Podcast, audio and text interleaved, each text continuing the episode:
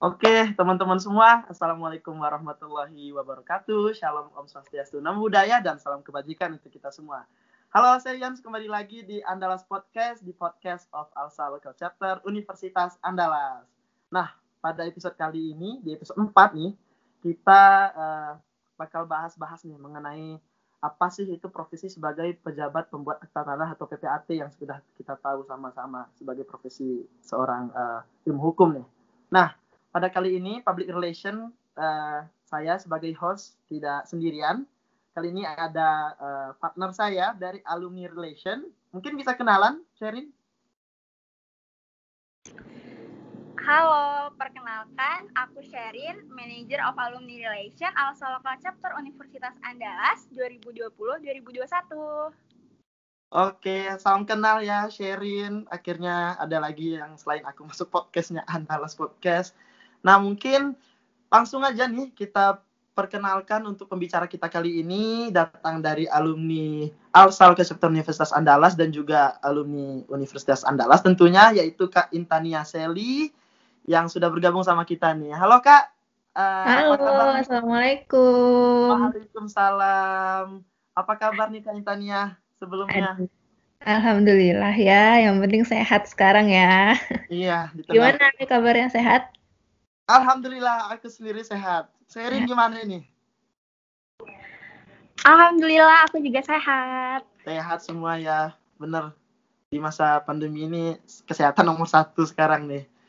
Nah mungkin uh, sebagai pembuka nih di Andalas Podcast episode 4 ini, sama-sama kita tahu nih Kak Intan Yaseli juga sebelumnya uh, pernah berperan aktif lah dulu di organisasi kita di Alsa LC Unan.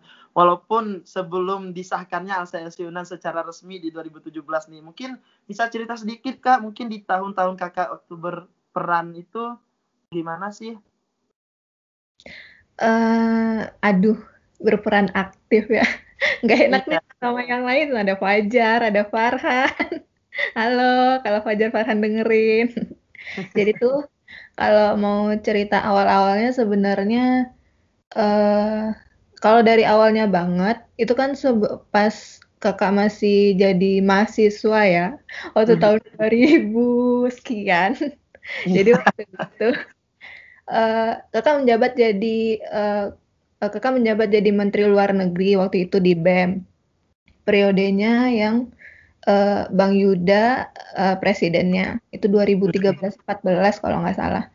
Terus hmm. waktu pas kakak jadi uh, menteri luar negeri itu sempat kepikiran sih apa ya kira-kira yang mau dibikin project gitu kan. Maksudnya kalau misalnya jadi menteri luar negeri kan kerjaannya uh, relasi ke keluar dari eh di luar dari fakultas hukum kan misalnya ke sesama fakultas lain atau ke universitas lain sempat ada beberapa juga kayak kita kedatangan uh, apa teman-teman dari Universitas uh, Lancang Kuning itu waktu itu baru dan uh, lain sebagainya gini, kan. Apa ya kira-kira selain menyambut uh, teman-teman mahasiswa lain atau relasi uh, sekitaran kampus atau fakultas gitu kan?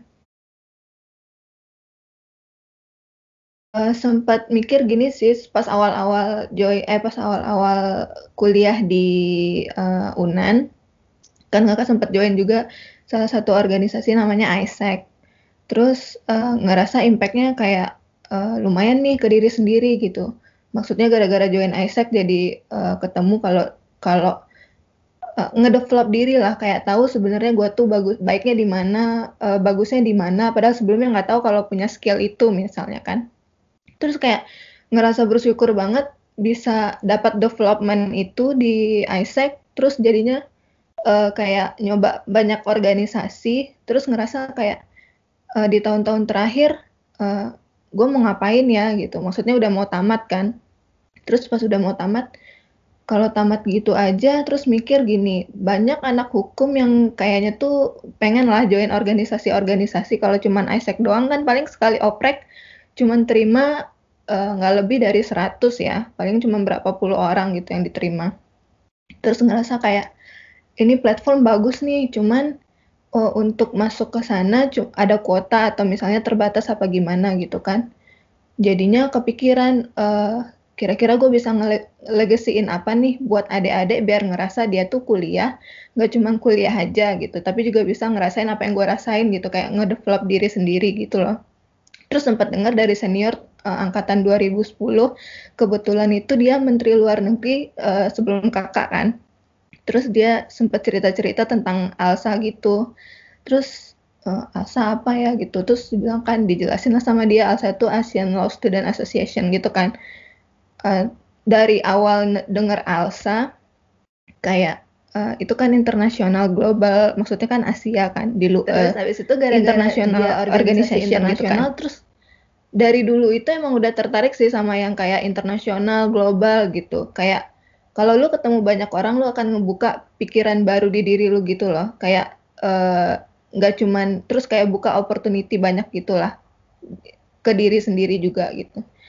Pas dengar uh, Alsani internasional gitu kan uh, terus dia di bidang hukum juga terus uh, kenapa enggak gitu kita bikin di uh, Andalas kan maksudnya di Unan.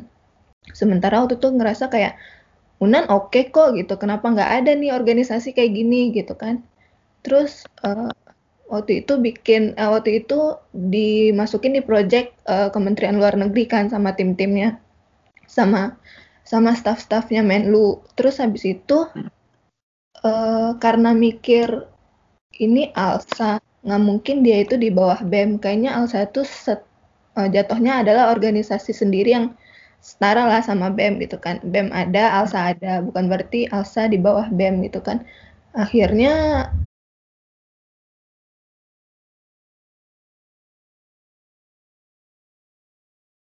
ada Fajar waktu itu kalau nggak salah si Fajar apa Farhan duluan gitu ngontek kan kayak uh, kan emang gue cuin kan? Eh cuin gitu kan. Uh, lagi mau diriin Alsa ya kata gitu kan. Terus kalau nggak salah si Fajar sih yang bilang ada salah satu senior juga Farhan katanya gitu terus, kan teman seangkatan. uh, ya udah dia kontak terus katanya uh, cuin ayo yuk kita uh, bareng-bareng nih bikin Alsa di Unan. Uh, ya udah ayo. Akhirnya dari situlah ketemu Fajar Farhan Terus akhirnya uh, awal-awal ka karena udah email dari zaman status Menteri Luar Negeri, jadi lanjutin tuh kontak-kontakan sama external relationnya Alsa Nasional ya. Itu lanjut-lanjutan email, jadi pokoknya yang hubungan awalnya email-emailan itu sama uh, sama uh, eksternalnya Alsa Nasional tuh uh, kebetulan aku, terus habis itu uh, kita lanjut ke tim sama Farhan sama Fajar. Terus kalau nggak salah sampai nyusun-nyusun lah administrasi kayak persyaratan kira-kira apa aja tuh yang buat ngediriin hmm. Alsa, motivation letter dan segala macem hmm. gitu-gitu kayak proposalnya. Bagi-bagi tim, terus nyampe di mot motivation letter, terus dikirim. Kalau nggak salah itu abis itu udah aku keburu wisuda deh. Dilanjutin sama Farhan. Sayang banget sih. Nggak sampai oh. selesai. Berarti benar-benar di awal banget fondasi awal dari banget tunan banget yang oke. Benar-benar. Ternyata kita bicara dengan founder langsung ternyata. Oh. Iya benar nih. Sebelum bahkan sebelum jadi observer ya kak berarti Iya, sebelum Observer. Observer yang Fajar sama Farhan pergi ke Makassar bukan? Iya, kalau nggak salah ya. Nah, iya. Sebelum itu banget sih. Jadi awal-awal ya nyiap-nyiapin berkat administrasi lah mau mau masuk ke sana. Oke, berarti benar-benar eh, di kepengurusan awal lah kalau bisa kita bilang ya, teman-teman. Ya, buka-buka jalan lah. Iya, benar. Membuka jalan untuk Alsa Unan berdiri di 2017. nah, itu tuh intermezzo sedikit dengan alumni kita untuk tentang Asian Law Student Association di ASLC Unan nih teman-teman. Kita langsung masuk ke topik. Topiknya cukup menarik kali ini. Kita bahas tentang profesi hukum. Uh, bicara tentang profesi hukum, uh, kita sebagai mahasiswa ilmu hukum tentunya tahu uh, tentang pejabat pembuat akta tanah atau PPAT ini. Nah mungkin langsung aja kita tanya ke Kak Seli, eh, Kak Intania Seli mengenai uh, apa sih itu PPAT? Mungkin bahkan teman-teman hukum mungkin ada yang belum tahu, bahkan yang nggak tahu sama sekali ada profesi ini gitu. Nah mungkin bisa kakak uh, jelaskan sedikit mengenai PPAT ini sebenarnya kerjanya apa sih? Apa cuma pembuat akta doang nih? yang ada di hukum atau gimana cara kinerjanya? Monggo. Hmm. Jadi kalau bilang PPAT ya, eh, awal-awal malah kayak kalau kalian tahu itu PPAT apa, kayak wow, anak mahasiswa hukum udah tahu gitu loh. Ibaratnya kan kalau waktu aku pas masih kuliah S1 itu malah aku nggak tahu PPAT apa. Mungkin cuma tahu notaris gitu. Jadi orang kan biasanya bilang notaris PPAT ya, gara-gara dia dua dua profesi yang bisa dirangkap jabatan kan. Nggak tahu detailnya apa. Kerjaannya itu sebenarnya eh, ya kata Ale bilang tadi itu eh, PPAT itu pejabat membuat akta tanah kan. Mhm. Udah jelas banget sih. Dia pejabat umum yang berwenang bikin akta otentik. Akta otentiknya yang berhubungan sama eh, pertanahan lah, misalnya hak atas tanah atau hak atas eh, rumah susun yang kayak kayak. gitu. Pokoknya akta-akta yang berhubungan sama tanah sih. Oke, that's it PPAT teman-teman. Pejabat membuat akta tanah ternyata membuat eh, apa namanya eh, barang-barang yang atau akta yang otentik gitu ya. Berarti Iya. kalau yang bisa aku simpulkan itu ada singgungan sama ini ya berarti Badan Pertanahan Nasional secara langsung berarti ya kak. Iya, PPAT itu bisa dibilang kita mitra kerjanya BPN. Jadi kita bantu BPN untuk melakukan eh, kegiatan pendaftaran tanah atau misalnya kayak peralihan hak nih, eh, misalnya ada jual beli. Sebelum jual beli itu kan dia bikin aktanya. Nah, aktanya itu yang bikin PPAT nanti disampaikan ke BPN kayak kayak gitu. Iya, soalnya aku tahu juga eh, kebetulan orang tua aku kerja di BPN, jadi Oh. mungkin kalau question dari singgung sangkut pautnya langsung sama PPAT. Eh, kita tahu banyak sih yang mungkin di pelang-pelang atau di yang kita tahu lah di sepanjang jalan notaris sekaligus PPAT nih. Mereka Iya. menja- eh, rangkap jabatan notaris sekaligus PPAT. Dari sudut pandang dari kakak, mungkin apa sih perbedaan notaris sama PPAT? Apa sama-sama pekerjaannya emang sama-sama untuk membuat akta otentik gitu kah? Atau gimana kak? Hmm. Kalau untuk pekerjaannya sama ya, dua-duanya itu produknya akta otentik gitu kan.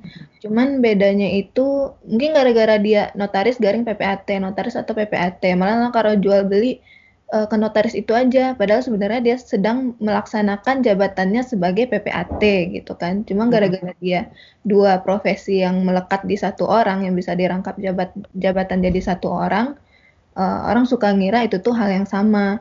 Ibaratnya kayak sekarang nih kakak masih PPAT doang notarisnya belum kan. Gara-gara belum cukup umur. Udah sekarang udah cukup umur. Oke. terus mm-mm. jadi eh, kayak ngejelasin ke orang juga juga agak susah sih. Misal kayak oh bisa bisa dong gue bikin akta sama lu perjanjian ini.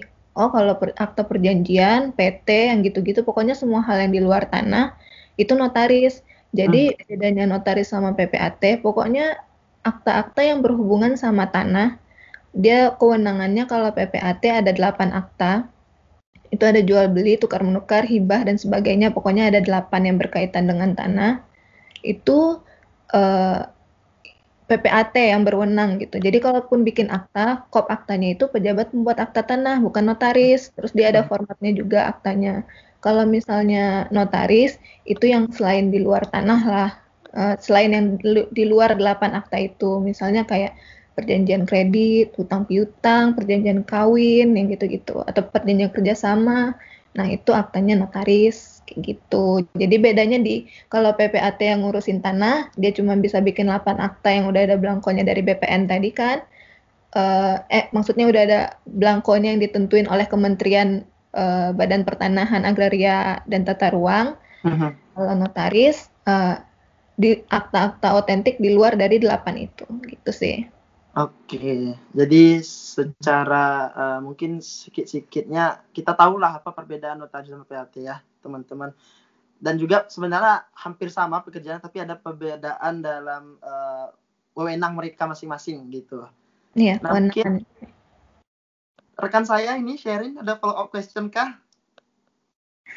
Eh, kalau dari aku pingin nanya ini sih kak, berarti kakak udah resmi jadi PPAT tapi belum bisa notaris karena belum cukup umur ya kak. Maksudnya perbedaannya itu gimana sih kak dalam eh, umur di notaris sama PPAT?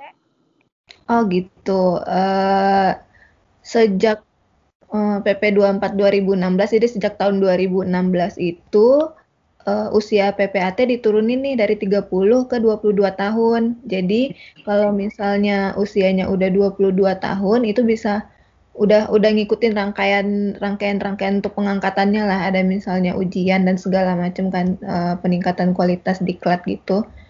Uh, kalau udah selesai semuanya itu uh, udah usianya udah lewat 22 tahun itu udah bisa ngajuin uh, pengangkatan sebagai PPAT sedangkan notaris itu usia minimalnya 27 tahun. Jadi kalaupun rangkaiannya semuanya udah selesai nih misalnya udah selesai ujiannya, udah selesai uh, magangnya, tapi usianya belum 27 tahun, belum bisa mengajukan pengangkatan ke kementerian gitu sih.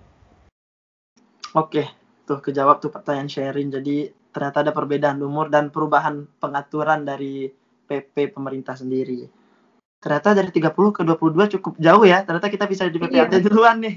Nah, iya makanya. Notaris duluan kan Kak yang kita tahu nih. Nah, iya, biasanya notaris di PPAT. Iya, betul. Nah, mungkin kita ke next question langsung dari uh, pertanyaan kita mengenai PPAT ini juga nih.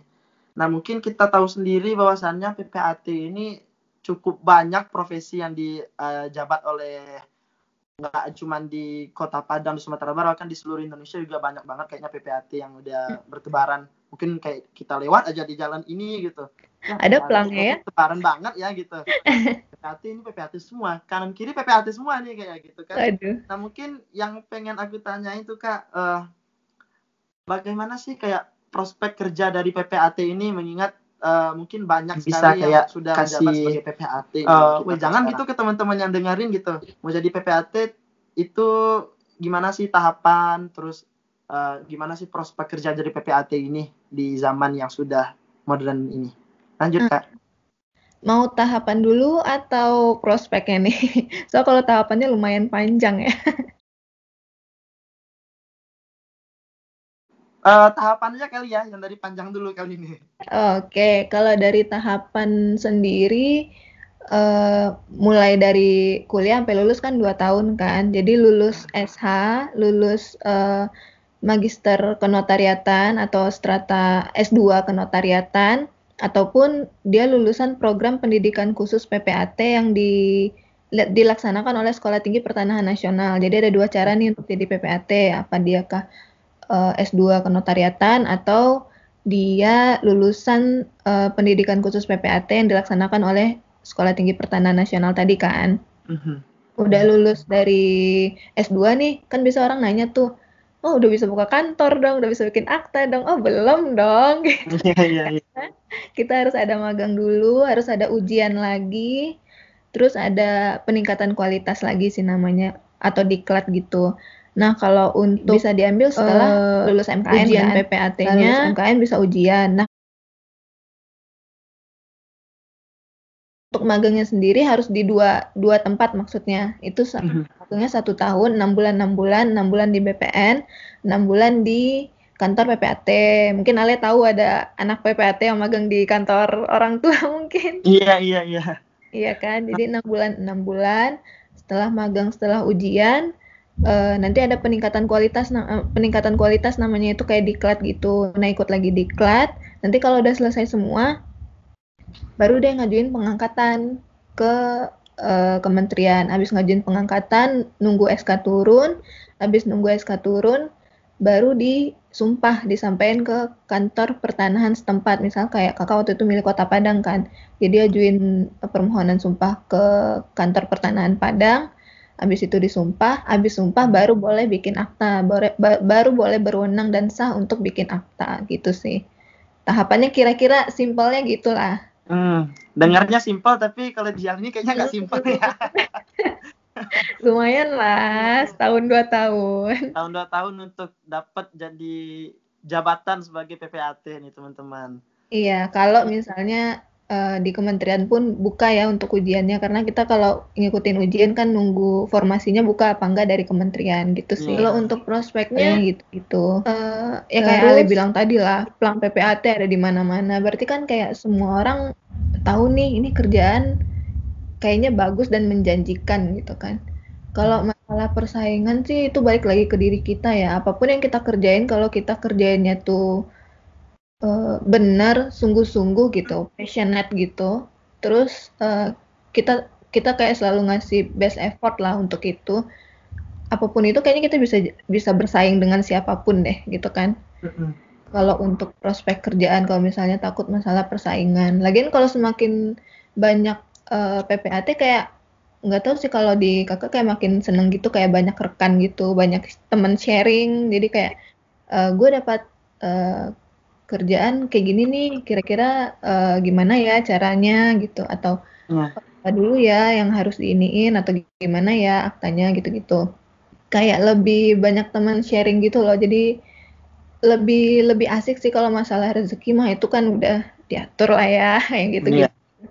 terus prospeknya se kayaknya se selagi masih ada tanah dan transaksi peralihan hak misalnya jual beli atau orang mau ke bank kredit mau kayak agunkan tanahnya gitu kan dijaminkan kayaknya masih butuh PPAT sih karena akta PPAT ini kan akta otentik tadi itu kan akta otentik itu pembuktiannya sempurna di pengadilan itu ada di BW pasal 1870 kalau nggak salah uh, intinya uh, akta otentik itu uh, adalah alat bukti yang uh, alat bukti yang sempurna di pengadilan. Jadi kayak uh, isinya itu ibaratnya diakui lah gitu.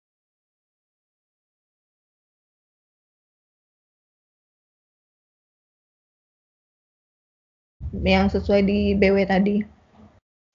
Gitu sih. Jadi kayak kalaupun transaksi tanah kita tahu sendiri nominalnya kan kalau tanah ini bukan angka yang kecil kan. Hmm. jadi orang pasti ingin secure dong gitu.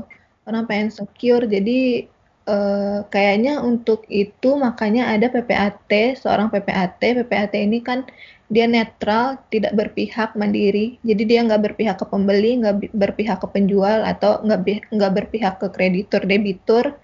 Dia menjamin bahwa ada uh, peristiwa hukum yang terjadi yang tertuangkan di yang tertuang di akta itu benar gitu, jamnya benar, penghadapnya benar, kejadian hukumnya seperti ini loh gitu.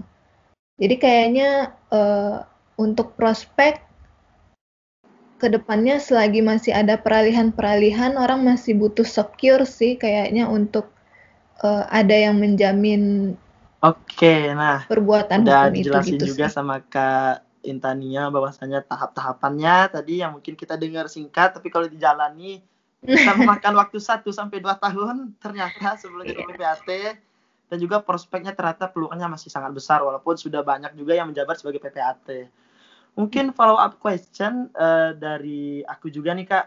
Uh, yang mungkin teman-teman baca pejabat pembuat akta tanah. Nah, kata-kata pejabat nih yang kita tahu pejabat nih kayaknya di uh, di bawah kementerian apa gitu atau di apa namanya dikasih gaji sama pemerintah kah atau kita cuman benar-benar berjalan sendiri untuk uh, apa ya kasarnya mendapat penghasilan untuk uh, dari jabatan kita Jadi uh, emang agak spesial ya notaris sama PPAT ini pejabat bedanya itu. Jadi dia tuh pejabat. Kita tadi yang... ya nyinggung kan uh, masalah gaji, digaji nggak sama pemerintah, digaji nggak nih sama ATR BPN gitu kan? Iya iya. Uh, uh, kalau untuk masalah gaji kita nggak digaji, jadi kita uh, sistemnya honorarium uang jasa. Jadi ibaratnya kayak gimana ya? Ah, kayak pengacara deh. Kalau pengacara kayaknya semuanya pada lebih lebih ini ya, lebih lebih tahu lah kalau pengacara kan buka kantor sendiri, nyari duit sendiri, uang jasa dari klien. Nah, kira-kira gitu. PPAT juga gitu sih, buka kantor sendiri, eh, penghasilannya dari honorarium, dari gitu uang sih. jasa yang dikasih Oke, klien. nah ya. kejawab juga tuh pertanyaan. Mungkin teman-teman banyak yang bahkan aku juga bertanya-tanya sih kayak ini kan pejabat apa dia dikasih dikasih gaji kah atau iya, benar-benar uh, hasil kerjanya lah nanti yang uh, di berjasa gitu dari uh, kliennya mungkin nah ternyata udah kejawab dari pertanyaan aku oleh Kak Intania nih.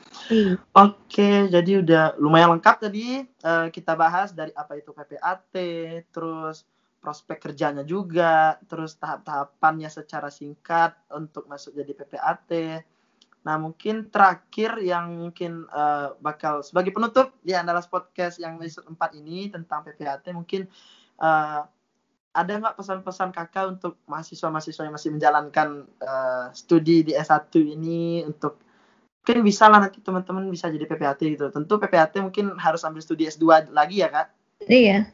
Nah gitu mungkin ada sedikit wejangan untuk kak, dari kakak untuk teman-teman yang dengar gitu. Oke.